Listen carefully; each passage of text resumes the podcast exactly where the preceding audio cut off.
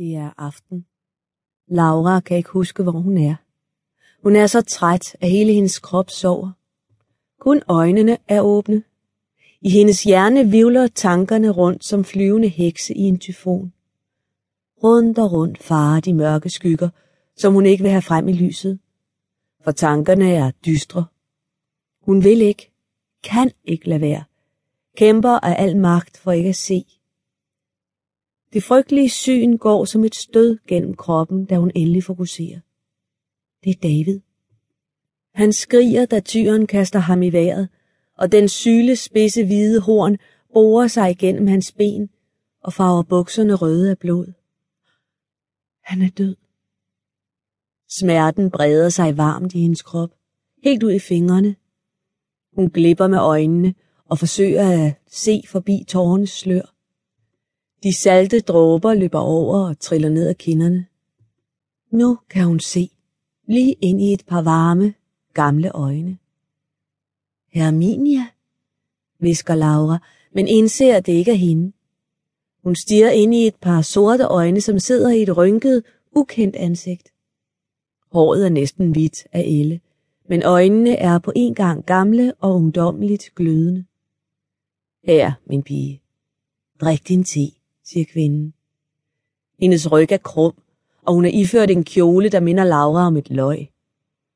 Når heksen, for det er hun, tænker Laura søvnigt, bevæger sig, glider kjolen til side, og man kan se, at der ligger andre farvestrålende lag af stof under det yderste blonde stof. Hun er sort udenpå, men fyldt med farver indeni.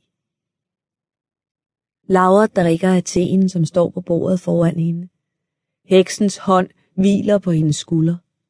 De rynkede fingre holder på en mærkelig måde de vivlende sorte tanker stille i luften, så Laura kan være i fred for dem. Teen er mørk og stærk, og den smager vidunderligt. Stærk og sød på en gang, med et stænk af lakrids og mynte. Den smager så godt, at Laura bliver nødt til at drikke det hele. Da koppen er tom, stiger hun skuffet ned i den, og derefter op på heksen. Heksen ler. Det må vist være nok, min pige. Har du det bedre nu? Heksen slipper sit tag i hendes skulder. Et øjeblik svimler det fra Laura. Hun frygter, at tankerne skal begynde at vivle rundt igen. Men da det ikke sker, slapper hun af. Hun nikker og smiler. Det føles sært. Hendes humør har været så tungt, at hun ikke troede, hun nogensinde ville have kræfter til at løfte mundvinen i vejret igen. Jeg har det godt, siger hun tøvende. Hvor er jeg? Hvem er du? Hun ser sig om i den lille stue og får øje på et knitrende ildsted. Hun ser ned af sig selv og opdager, at hun ikke længere har sit sommertøj på, men en kjole. Hun hader normalt kjoler. Men den her er sort og goth-agtig, indser hun overrasket. Den er faktisk cool. Godt, smiler heksen og spørger. Hvad hedder du, min pige? Laura, siger Laura, men bider sig i læben. Var det nu dumt? Tænk, hvis heksen udleverer hende til... Hun skælver, da hun ser mørkets fyrste, general Musa, for sig i tankerne. Heksen nikker. Du er på flugt, ikke? Fra Boabdils soldater? Laura er for træt til at lyve. Heksen virker jo flink. Jo. Men du overgiver mig ikke til dem, vel? Den sidrende uro rører på sig igen. Men heksens hånd vinker den bort. De krogede fingre sender varme ned gennem Lauras skulder, og heksen ryster på hovedet. Laura sukker lettet.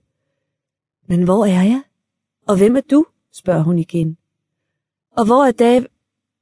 Heksen afbryder hende. Lidt af gangen, ikke? Du kan være rolig. Hun tænker sig lidt om, før hun fortsætter. Mit navn er Consuela Costanci, men du kan kalde mig Consuela. Consuela skærer lidt brød og pølse til Laura og tænder sig en cigar. Laura spærer øjnene op. Det er ikke en cigar, men en cigarillo. Den minder hende om en gammel mand, hun engang kendte. Lige nu kan